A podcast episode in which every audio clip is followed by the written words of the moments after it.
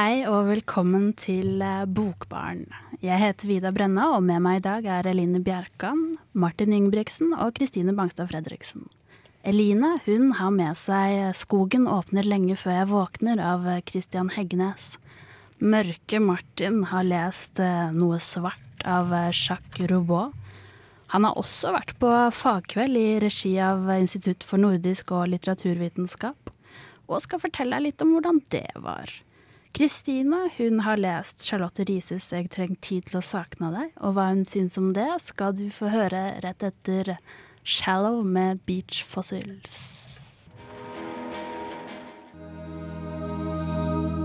Det var eh, 'Shallow' med Beach Fossil, altså. Og Kristine, du har jo lovet oss litt uh, lyrikk i dag.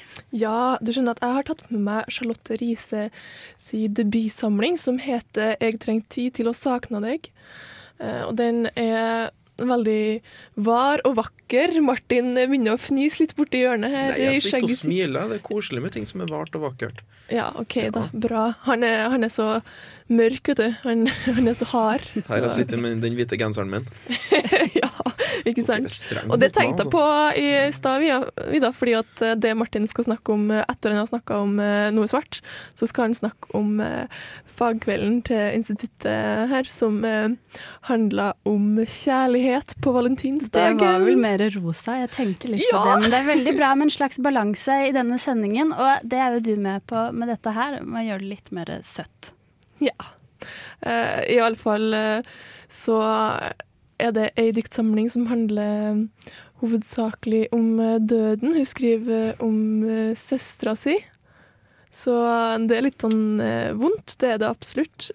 Og Charlotte Riise hun er født i Ålesund. Og studerer engelsk litteratur i Bergen, så hun er sjøl litteraturviter. Mm. Så det her er hennes første samling, men hun har tidligere uh, publisert dikt i uh, antologier, da. Så. Men du har jo uh, med deg lite, en liten opplesning av henne også? Ja, det har jeg. Jeg har plukka ut de tre fineste. Iallfall så syns jeg at det de tre fineste. Ja. Da tror jeg bare vi skal ta oss og høre på de, ja. Ok, men Ukas dikt. På rommet hennes fins bare hun og jeg. Den gamle spåen. Boka med lister over ting vi har gjort. Mennesket vi har sett. Perlene. Sminka. Når hun var seint ute, skrev jeg nye lister. Og der borte drog jeg andre kleder over kroppen. Jeg sovna, låg mellom andre lukter og drømmer. Vakna med en annen røst. Enda står jeg med listene i hånda. Hvor er jeg når en plutselig er borte? Gatenavn blokker de eksakte fargene.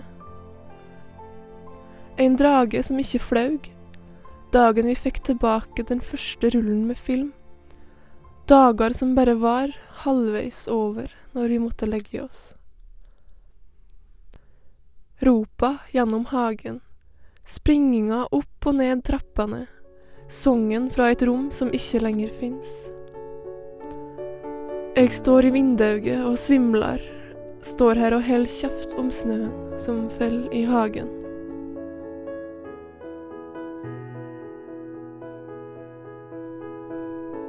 Han står i vannkanten og vinden. Jeg står rett bak med et ønske om å sovne mot han. Jeg setter meg ned i sanden. Han sier jeg er så stille. Jeg hører han så vidt og roper. Kan du se for deg å rope dine siste ord i dette havbruset, roper jeg. Det er noe dyrisk over det, desperat. Jeg vet det er slik hun følte det siste gang stemma pressa seg mellom leppene hennes. Han svarer ikke, eller kanskje forsvant det ut i gapet, ut i det urørte. Jeg dreg handa gjennom sanden. historiene ligger att her. Skal jeg vente? Ja, det var altså det Kristine hadde med seg i dag. Nå skal vi litt eh, videre i sendingen. Og Line, Ja. Du har vært på skogtur, har du det? ja, du kan uh, si det sånn. Og jeg kom jo nettopp til å tenke på at uh, mye av sendinga i dag kommer jo enten til å preges av tungsinn eller uh, altfor lange titler. Uh, i, den her, eh, I dette tilfellet så er det begge deler. Boka heter 'Skogen åpner lenge før jeg våkner', og den er da skrevet av Christian Heggernes. Og han har jo utgitt en bok før, er det sånn? Han har utgitt, utgitt flere enn én bok, eh, men i hvert fall eh, denne eh, debuten hans, da, den het 'Tyngde av fallende skygge', så man skjønner jo hva det her går i. Ligner den ikke litt på Pitbull-Terje? Vet du, jeg har det her eh, forfatterportrettet som han har på innsida av eh, 'Skogen åpner lenge før jeg våkner', det er jo også Han er så morsk. Han ser litt sint ut. Han ser sint ut også. Litt sånn ja, nei, altså, nei, ikke et sint, men han ser litt morsk ut. Litt mutt. Han har surmunn. Ja, surmunn. Og så lager han bøker som heter 'Tyngde av fallende skygge' og ja, det her altfor lange, klossete tittelen som er på denne boka jeg skal snakke om nå. Um, men, men han er jo litt flink òg, da. Så det er ikke, det er ikke en surmunnbok?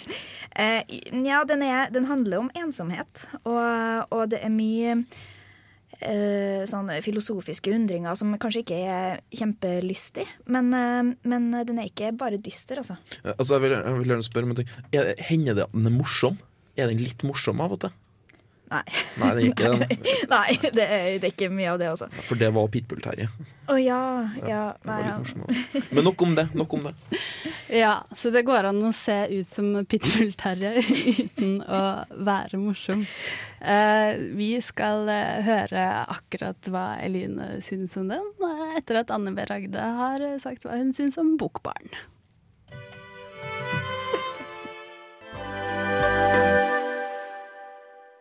Jeg heter Anne B. Ragde og er forfatter. Og når man er forfatter, så hører man selvsagt på Bokbarn så ofte man har anledning. Jo mindre fuglene er, jo mindre sitter de i ro. En kråke kan sitte lenge høyt oppe i det samme treet, mens spurver, meiser og finker hopper og flyr rundt og ut og inn av busker og hekker. Uglene kan jeg bare høre. Etter at jeg har lagt meg, sier ropene deres mørket sammen rundt huset. Det er fugler i hagen, og det er fugler i skogen, og det er fugler i magen min. Jeg kjenner vingene deres stryke over innsiden av ribbeina, som om jeg var en harpe. Heggernes har skrevet en prosasamling som strekker seg fra å formidle en helt nær, intim ensomhet og savn til å trekke store linjer som livets utvikling på jorda og evolusjonens gang. En liten guds fascinasjon for dinosaurer og jordas urtid får en stor rolle i denne boka, og som voksen uttrykker hovedpersonen en engstelse for ikke å være i stand til å føre arva videre. Stadig får vi henvisninger til pattedyrenes opprinnelse og hvordan vi kanskje ikke har vært her slik vi er i dag, hadde det ikke vært for at et pungrottelignende dyr rakk å føde ett kull til med unger før det ble spist av et større dyr. Jeg vokste inni henne mens hun vokste i mormor, og mormor så magen sin vokse og kjente morfars hånd stryke over den nesten gjennomsiktige huden. Morfars grove hånd gjennom det tynne håret på den ennå ikke sammenvokste skallen min. Som et egg noe skal hakke seg ut av. Vi får det kroppslige på nært hold, og de filosofiske tilnærmingene til evolusjon skaper et kontrastfylt spill med det snevre geografiske området selve handlinga i boka utspiller seg på, nemlig langs Fløibanens skinnegang i Bergen. Dette er et grep som fungerer bra, og Heggernes bringer til tider tanker av svimlende størrelser inn i hverdagen og inn i husene våre. Men det er også her boka halter, for i sin flørt med store ord og tanker så unngår ikke forfatteren å til tider virke en smule pretensiøs. Formuleringer som han sier at lyset i skogen er vakkert fordi ingen andres blikk har sluppet det inn, og selve tittelen, Skogen åpner lenge før jeg våkner, gir leseren en bismak av klisjéprega svada-litteratur som prøver å være mye mer enn den egentlig er. Det er altså i de mest abstrakte partiene denne svakheten skinner gjennom, for når Heggernes beveger seg inn på litt mer definerte tema, så er det mye bra å hente. F.eks. byr menneskeliggjøringa og beskrivelsen av naturen på flere gode leseropplevelser. Trærne puster ut tåke. I regnet blir bøkestammene mer lik hud. Når jeg stryker over trestammen, kjenner jeg muskler spille i en sauropodnakke. Skogen åpner lenge før jeg våkner. Ja, der har vi den tittelen igjen. En tvega bok i så måte. Den vil så mye og baserer seg på en god idé og har flere gode parti, men svakhetene stikker seg frem innimellom og gjør at dette ikke blir en like solid utgivelse som den ellers kunne ha blitt. Klisjépreget svada-litteratur, altså, Eline. Eline Bjerkan. Ja, uff, er ikke trist. Men det er, også, det er ikke gjennomgående i hele boka. Den, eh, den, er, den halter litt, som sagt, også, fordi at eh, noen ganger så er den veldig fin, men så blir det litt ødelagt av at plutselig så kommer det en sånn her stor setning som han sikkert har lagt masse tanker i, men så sier det egentlig ikke så veldig mye. Nei. Hva er det egentlig den ikke sier, da? Eh, det som er, er at jeg syns de her gode partiene de kjennetegnes ved at eh, han har en rød tråd, eller det, du har en knagg å henge dem på. da.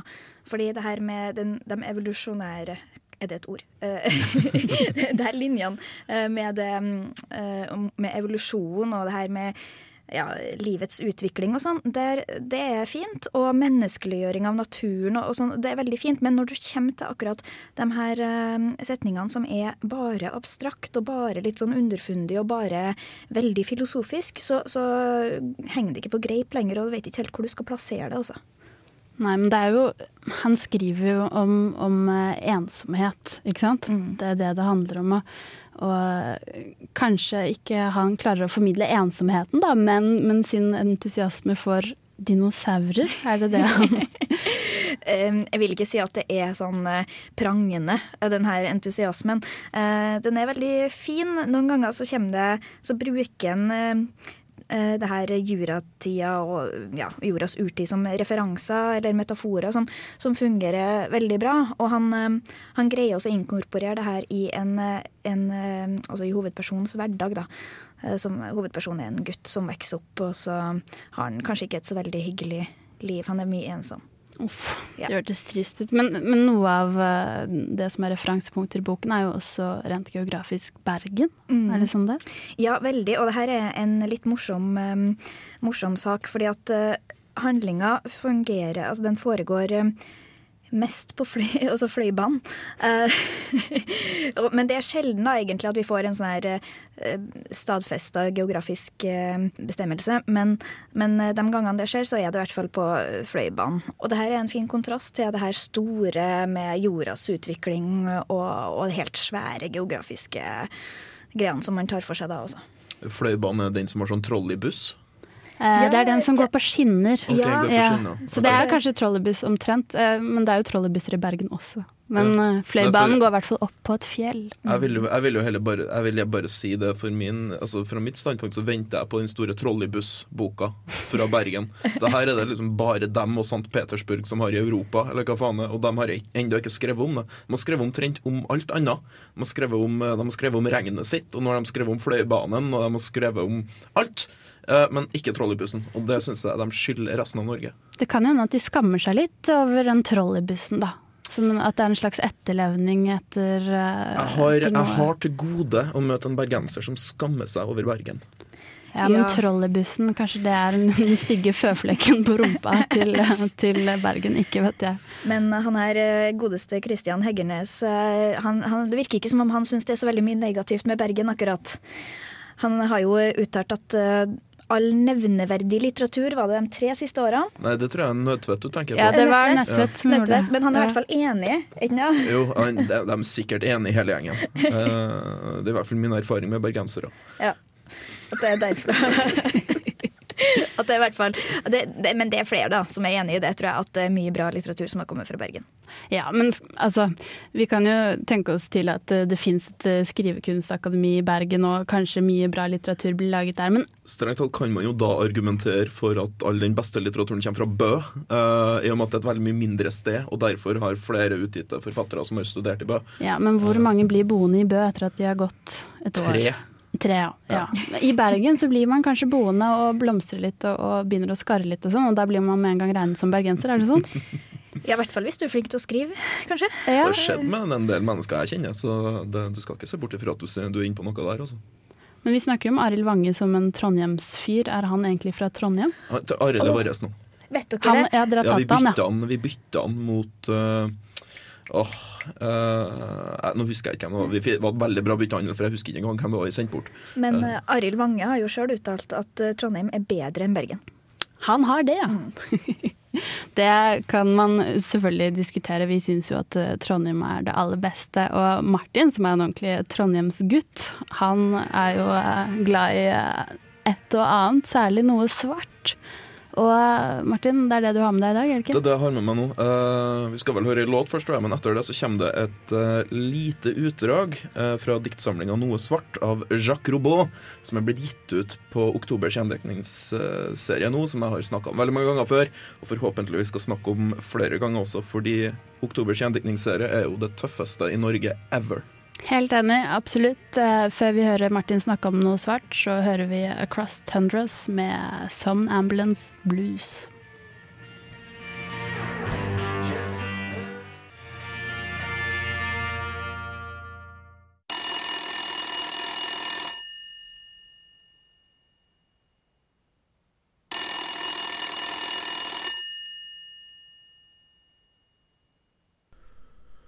Det er en annen roman, kanskje den samme.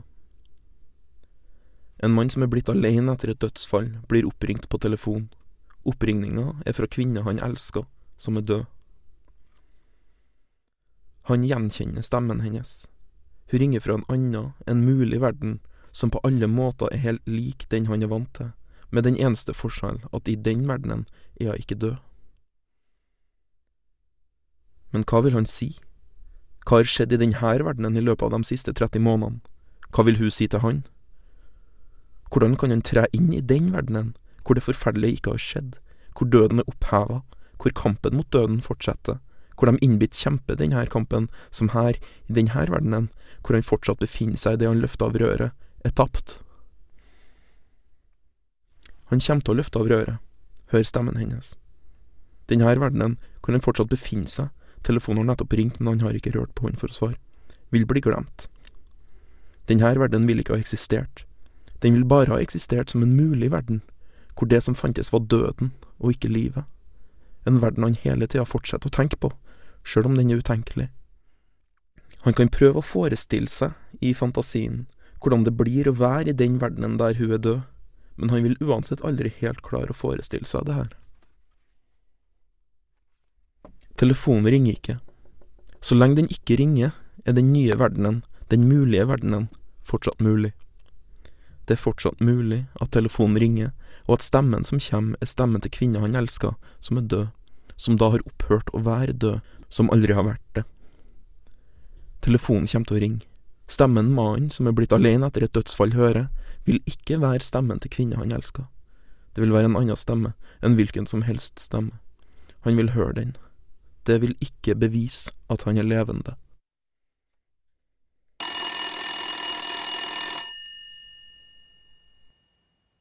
This is Alan Moore, and you're listening to The Book Bar.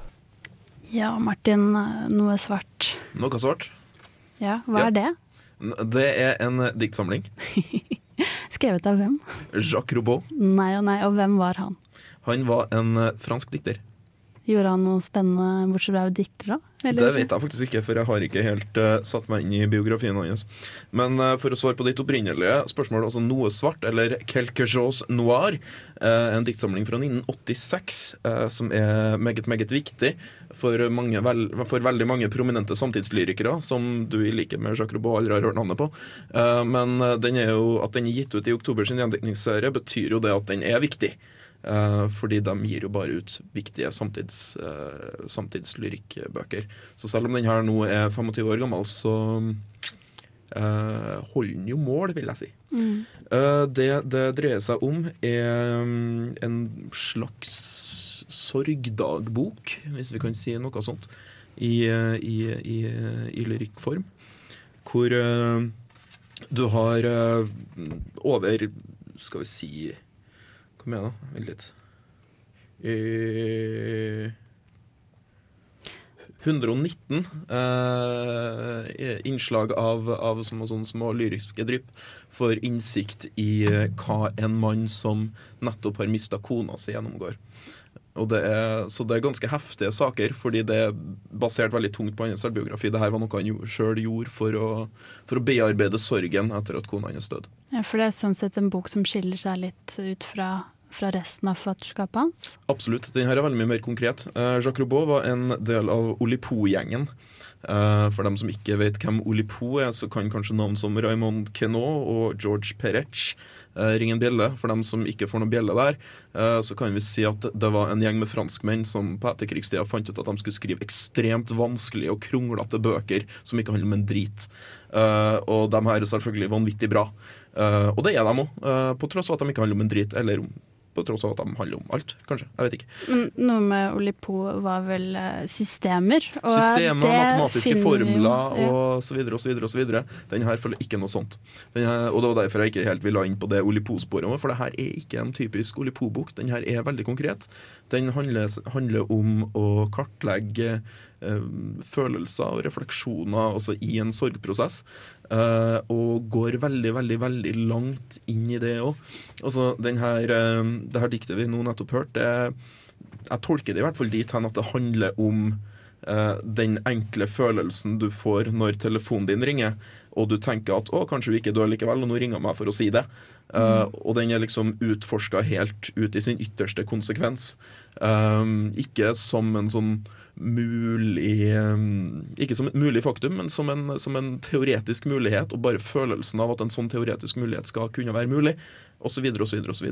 Ja. Men så er vi satt inn i uh, ni avdelinger med ni dikt som hver har ni strofer. Uh, ja da, alt det der stemmer, ja. men jeg syns ikke det er så jævla viktig. Det der er bare Olipo-greia midt oppi det hele. Ja. De som synes det er veldig veldig viktig, de kan henge seg opp i det, så henger jeg meg opp i innholdet. Ja. Det kan vi kan også legge til at uh, i dag er jo uh, palindromdagen av uh, de helt store. Det er 20.2.2012. Det, det? syns jeg er ganske morsomt. Det er det. er. Mm. men vi skal videre fra det svarte og over til et replikat som skal spille 'Disappears'. Ja. Hei sann, hopp sann. Dagens sending av Bokbaren har vært eh, preget av eh, noen tekniske problemer, men eh, vi har nå klart det sånn passe. Vi lovet jo fagkveld til dere, kjære lyttere. Martin, kan du si raskt hvordan det var? Det var veldig morsomt. Kjempebra. Da var vi ferdig med den posten. Ellers så har vi jo snakket eh, om eh, 'Skogen åpner lenge før jeg våkner' av Christian Heggenes. En liten anbefaling, Eline? Hvis du greier å blokkere ut dumme venn. ja, videre så hadde vi noe svart av Jacques Roubaud. Vi hadde Charlotte Rises 'Eg treng tid til å sakna deg'. Og her i Bokbaren i dag var det meg, Vida Sundset Brenna.